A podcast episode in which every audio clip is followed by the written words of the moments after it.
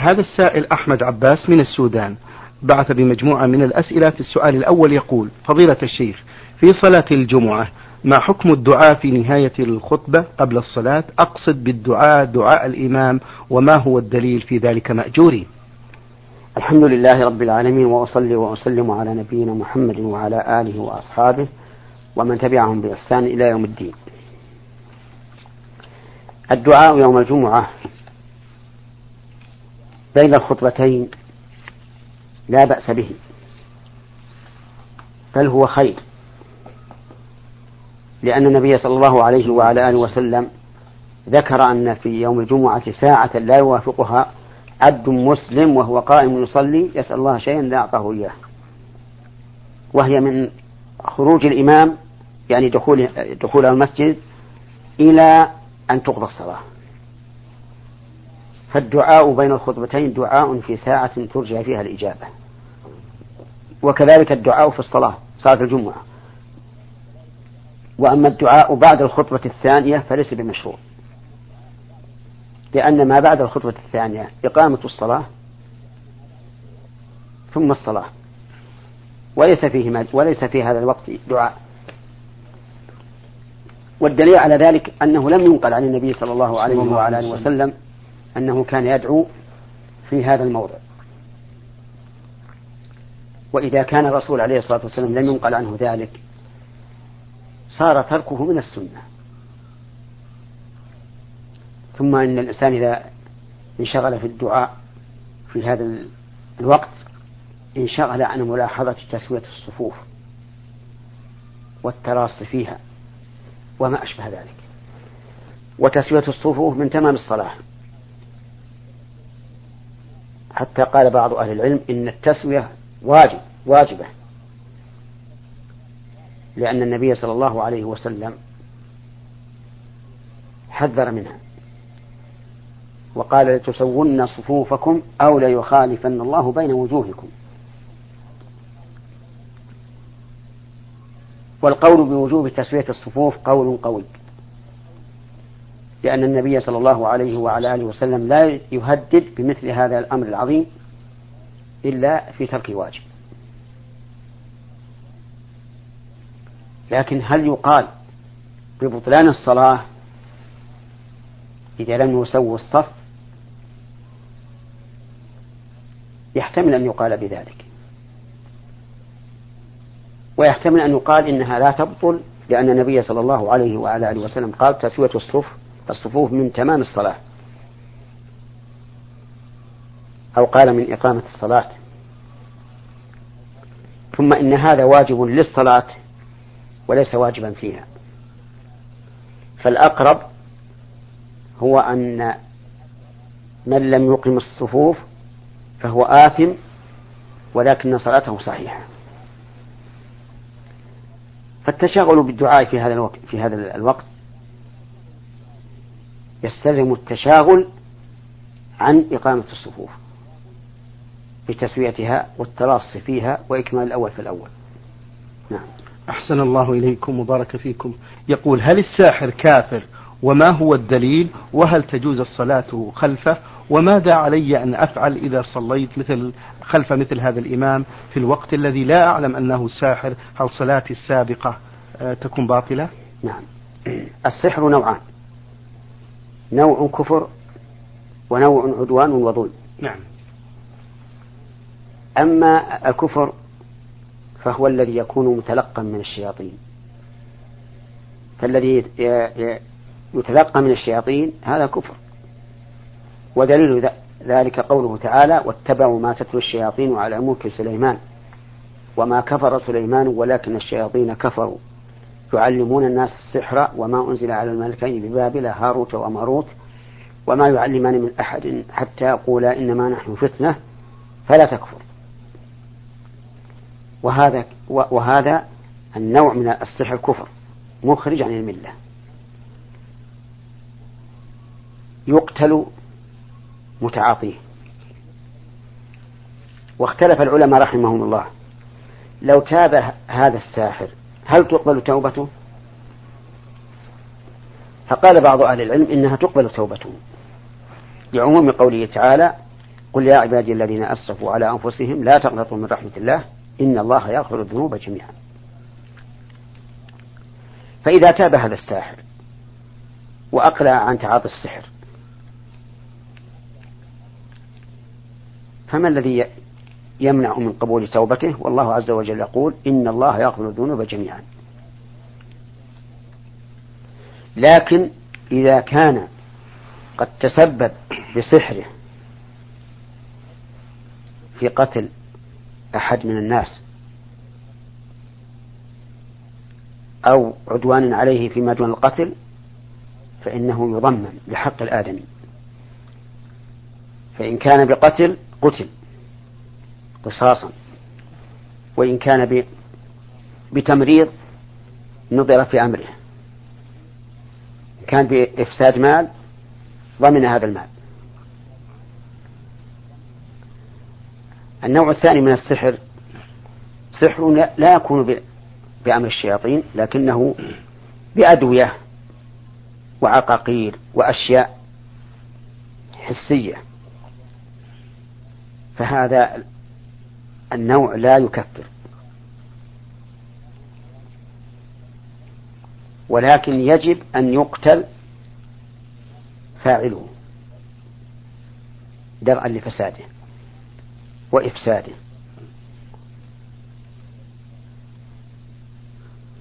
أي نعم. أحسن الله إليكم. شيخ محمد كثر في زماننا هذا السحر. في نظركم ما الأسباب وما العلاج؟ الأسباب بارك الله فيك هو قلة خوف الله عز وجل وضعف الإيمان في النفوس نعم. وحب العدوان على الغير.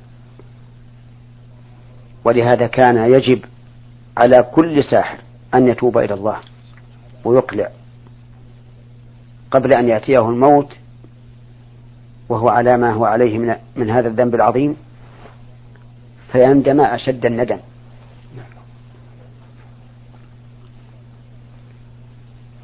ومن أسبابه أيضا انفتاح الناس علينا وانفتاحنا على الناس.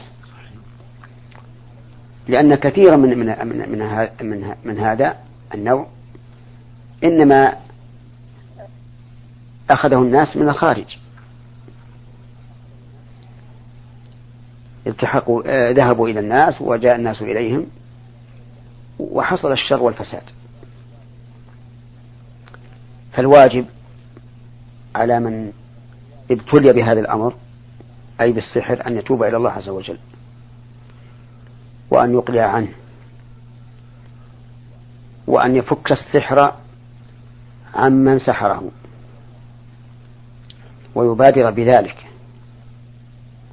وإذا كان قد ترتب على سحره شيء من الضرر فليقم بضمانه أو استحلال صاحبه. لأن الناس سوف يبعثون. ليس ليس الناس ليس لهم دار إلا هذه الدنيا. بل سيبعثون ويجازون. فالواجب الحذر من تعاطي السحر. والواجب على من ابتلي به أن يتوب إلى الله منه. وأن يضمن كل ما ترتب على سحره من ضرر على على الآخرين. أو يستحلهم. أحسن الله إليكم وبارك فيكم فضيلة الشيخ. من أسئلة هذا السائل فضيلة الشيخ يقول ذكر ابن القيم آه، في كتاب الداء والدواء الجواب الكافي في فصل أوقات الدعاء من بين الأوقات دبر الصلوات أي بعد نهاية الصلاة ولكنه لم يقل قبل السلام وأيضا لم يذكر آية أو حديثا أو مرجعا فهل الدعاء الفردي برفع اليدين بعد الصلاة جائز أم لا وما الدليل مأجوري نعم. أقول إن النصوص القرآنية والنبوية نعم. يفسر بعضها بعضا. فإذا جاءت كلمة دبر الصلاة نظرنا إن كان المقيد بدبر الصلاة دعاء فالمراد بدبر الصلاة آخرها قبل السلام.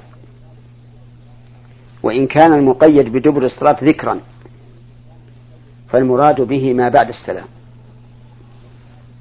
دليل ذلك أما الأول فلأن النبي صلى الله عليه وعلى آله وسلم لما ذكر التشهد قال ثم ليتخير من الدعاء ما شاء فدل هذا على أن ما بعد التشهد وقبل السلام محل للدعاء. فليغتنمه الإنسان بأن يدعو الله تعالى بما أحب.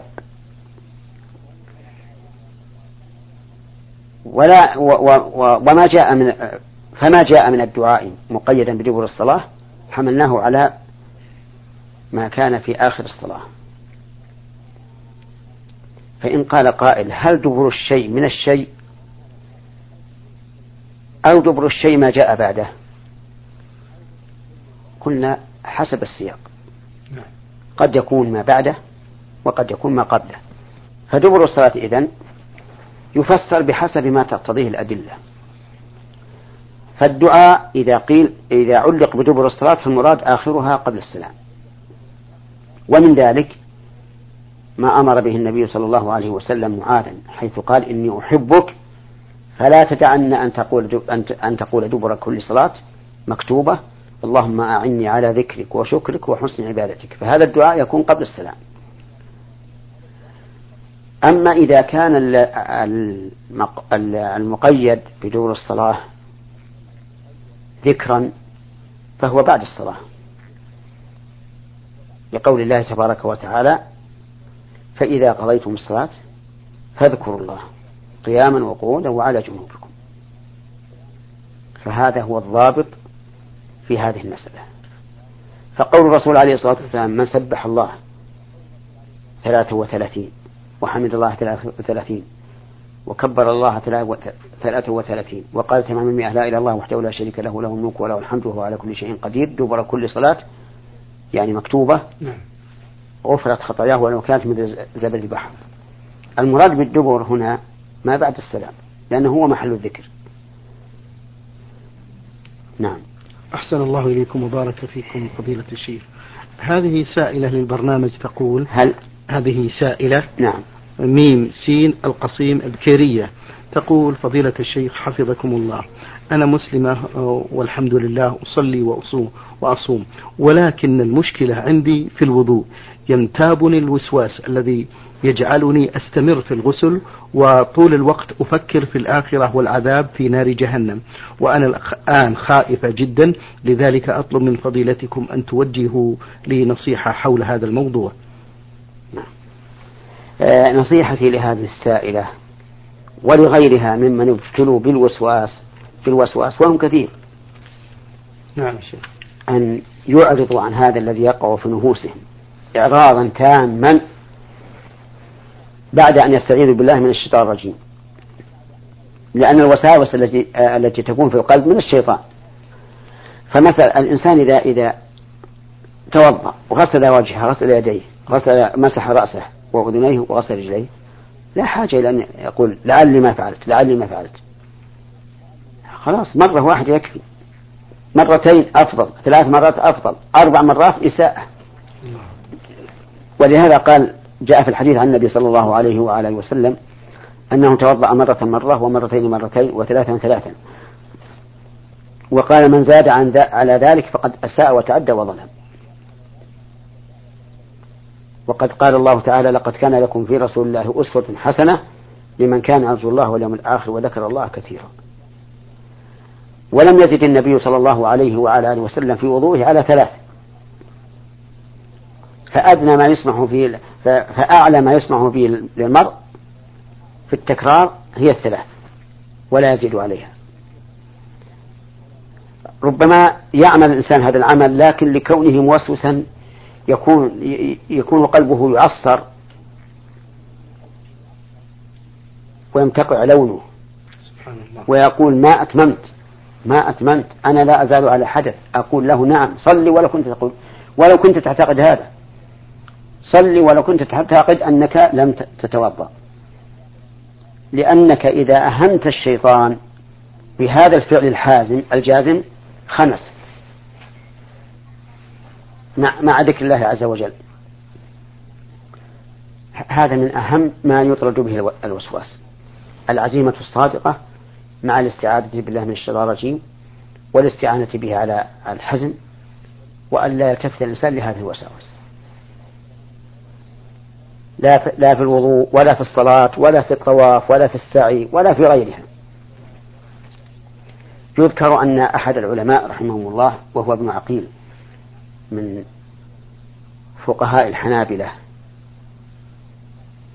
أتاه رجل يستفتيه وقال له إنه تكون علي جنابة فأذهب إلى الفرات أنغمس فيه. للغسل من الجنابة. ثم أخرج وأقول إن الجنابة لم ترتفع. فماذا ترى أيها الشيخ؟ أظن الشيخ فكر جلس يفكر. إن لم أكن نسيت لكنه قال له أرى أن لا تصلي. أرى أن لا تصلي. كيف ألا أصلي؟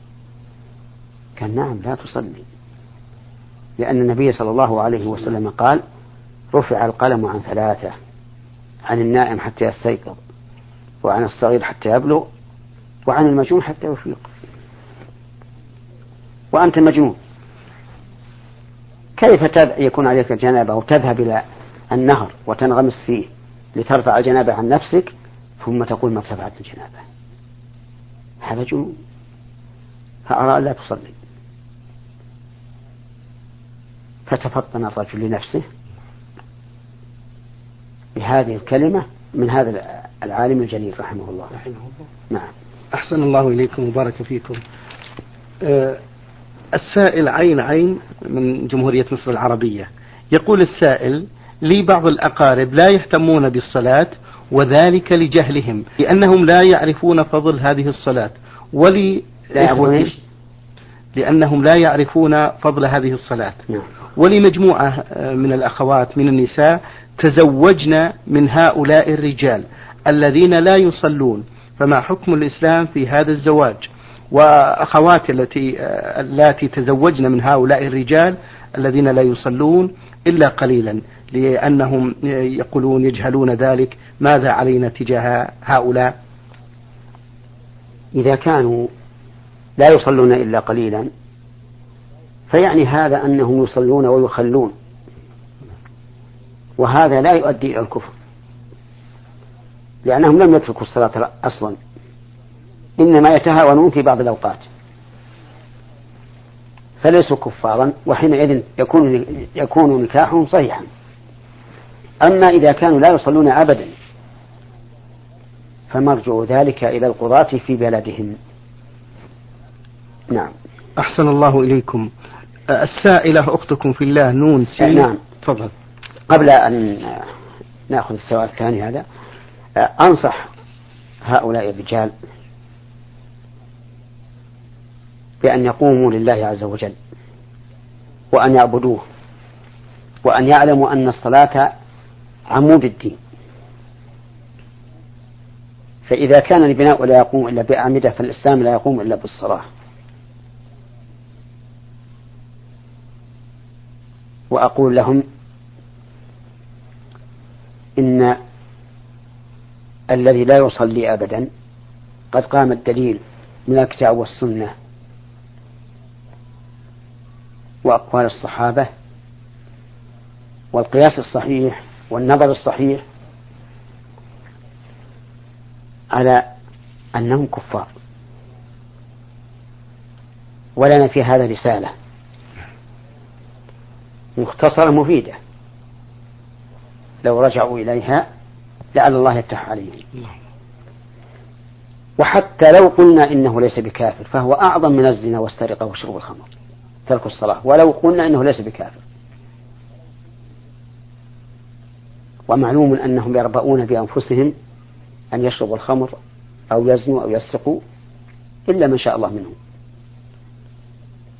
فإذا كانوا يربؤون بأنفسهم عن فعل هذه الفواحش فليربؤوا بأنفسهم عن ترك الصلاة.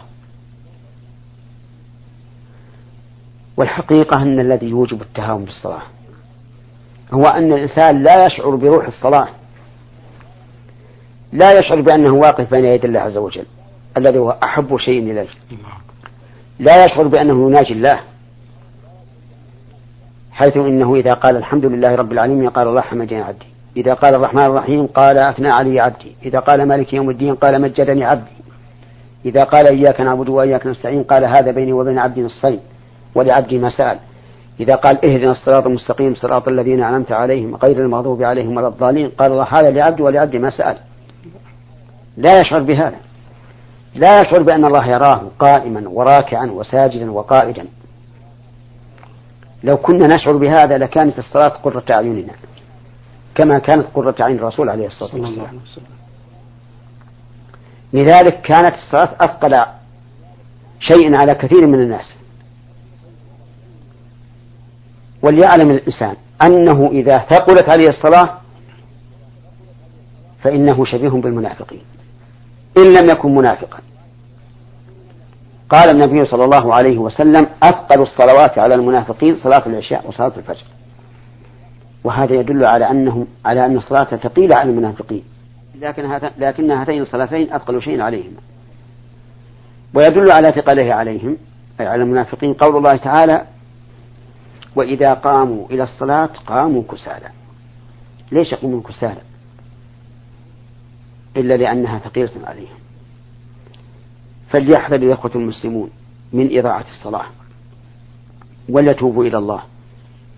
وليحسنوا صلاتهم أسأل الله أن يعينني وإياهم على إحسانها آمين. آمين. وإقامتها على الوجه الذي يرضاه به يرضى به عنا اللهم آمين شكر الله لكم يا فضيلة الشيخ آه السائلة نون سين سين تقول إذا صليت وبعد الصلاة تذكرت أنني لم أغسل ذراعي هل أعيد الصلاة؟ إذا تيقنت أنها لم تغسله وجب عليها أن تعيد الوضوء والصلاة وأما إذا كان مجرد شك فليس عليها شيء. صلاتها صحيحة ووضوءها تام هل يجوز تقول لزوجها أن يصافح زوجة أبيها؟ لا. لا يجوز لزوجها أن يصافح زوجة أبيها. ومعلوم أن زوجة أبيها غير أمها. أما لو صافح أمها فلا بأس لأن أم الزوجة محرم للزوج. أحسن الله إليكم. إذا ضحك الإمام في آه، صلاة النفل هل تبطل صلاة المأمومين؟ على كل حال إذا ضحك الإمام في صلاة الفريضة والنافلة بطل صلاته فيتم المأمومون صلاتهم وحدهم. وعليه هو أن يعيد صلاته من أول. نعم. آه، في آخر أسئلة هذه السائلة تقول إذا أقيمت الصلاة وهي لم تصلي الراتبة. هل تكمل الصلاة أم تصلي ركعة واحدة وتسلم؟ يعني كأنها شرعت في الصلاة نعم. إذا أقيمت الصلاة والإنسان يريد أن يصلي مع الجماعة. نعم شيخ. فإن كان في الركعة الثانية من من الراتبة أتمها خفيفة. وإن كان في الركعة الأولى قطعها. دليل ذلك أن النبي صلى الله عليه وعلى آله وسلم قال إذا أقيمت الصلاة فلا صلاة إلا المكتوبة. وهذا يقتضي امتناع ابتداء الصلاة الصلاة غير المكتوبة. نعم. وقال عليه الصلاة والسلام من أدرك ركعة من الصلاة فقد أدرك الصلاة. وهذا يدل على أن على أن المتنفل بالراتبة إذا أدرك ركعة كاملة قبل الإقامة فقد أدرك الصلاة فليتمها خفيفة. هذا هو القول المفصل وهو قول وسط بين قولين. أحدهما أنه متى أقيمت الصلاة والإنسان في نافلة بطل الصلاة ولو لم يبقى ولو لم يبقى عليه إلا التشهد. والثاني أنه إذا أقيمت الصلاة وهو في نافلة أتمها إلا أن يخشى أن يسلم الإمام قبل أن يتمها فحينئذ يقطعها. وما قلناه وسط بين قولين وله أدلة وله دليل كما ذكرناه. أحسن الله إليكم شيخ. السائلة شين ألف حاء من الرياض تقول بالنسبة للبنج الذي يوضع بالنسبة لإيش؟ البنج الذي يوضع في السن في نهار رمضان آه، تقول هل علي قضاء في ذلك اليوم إذا أخذت هذا البنج؟ لا. لأن البنج لا يفطر. البنج موضعي يؤثر على الموضع بالخدورة ولكنه لا يصل إلى المعدة.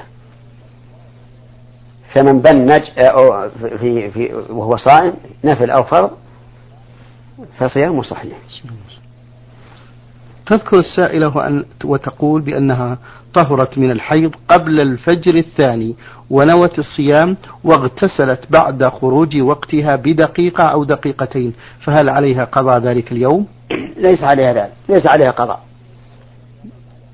يعني إذا طهرت المرأة قبل الفجر ونوت الصيام ولم تغتسل إلا بعد طلوع الفجر فصيامها صحيح ودليل ذلك أن النبي صلى الله عليه وسلم كان يصبح جنبا من أهله من غير احتلام فيصوم. أحسن الله إليكم. أه، تقول السائلة ما حكم صيام شهر محرم كاملا من واحد إلى ثلاثين؟ هو سنة. نعم. فإن النبي صلى الله عليه وعلى آله وسلم قال أفضل الصيام بعد رمضان شهر الله المحرم. نعم. أحسن الله إليكم. ما رأيكم يا فضيلة الشيخ بالشخص الذي تصدق عن كل من اغتابه آه على كل من اغتابه آه بعد أن تاب إلى الله من ذلك؟ إذا تاب الإنسان من الغيبة توبة نصوحا.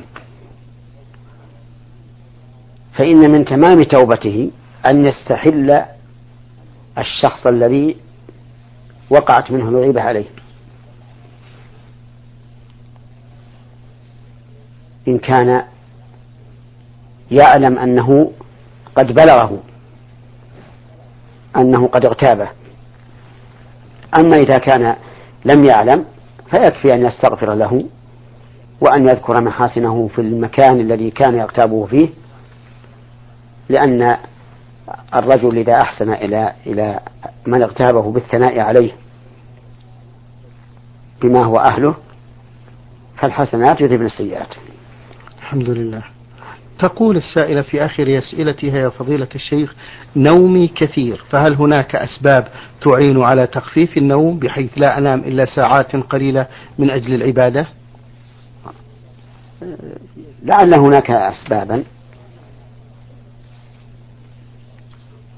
لأن البدن إذا خرج عن الاعتدال الطبيعي فإنه لن يخرج إلا لمرض. وحينئذ أشير على السائلة أن تراجع المستشفى حتى يتبين ما سبب هذا النوم الكثير. شكر الله لكم يا فضيلة الشيخ وبارك الله فيكم وفي علمكم ونفع بكم المسلمين. أيها الإخوة المستمعون الكرام أجاب على أسئلتكم فضيلة الشيخ محمد بن صالح بن عثيمين.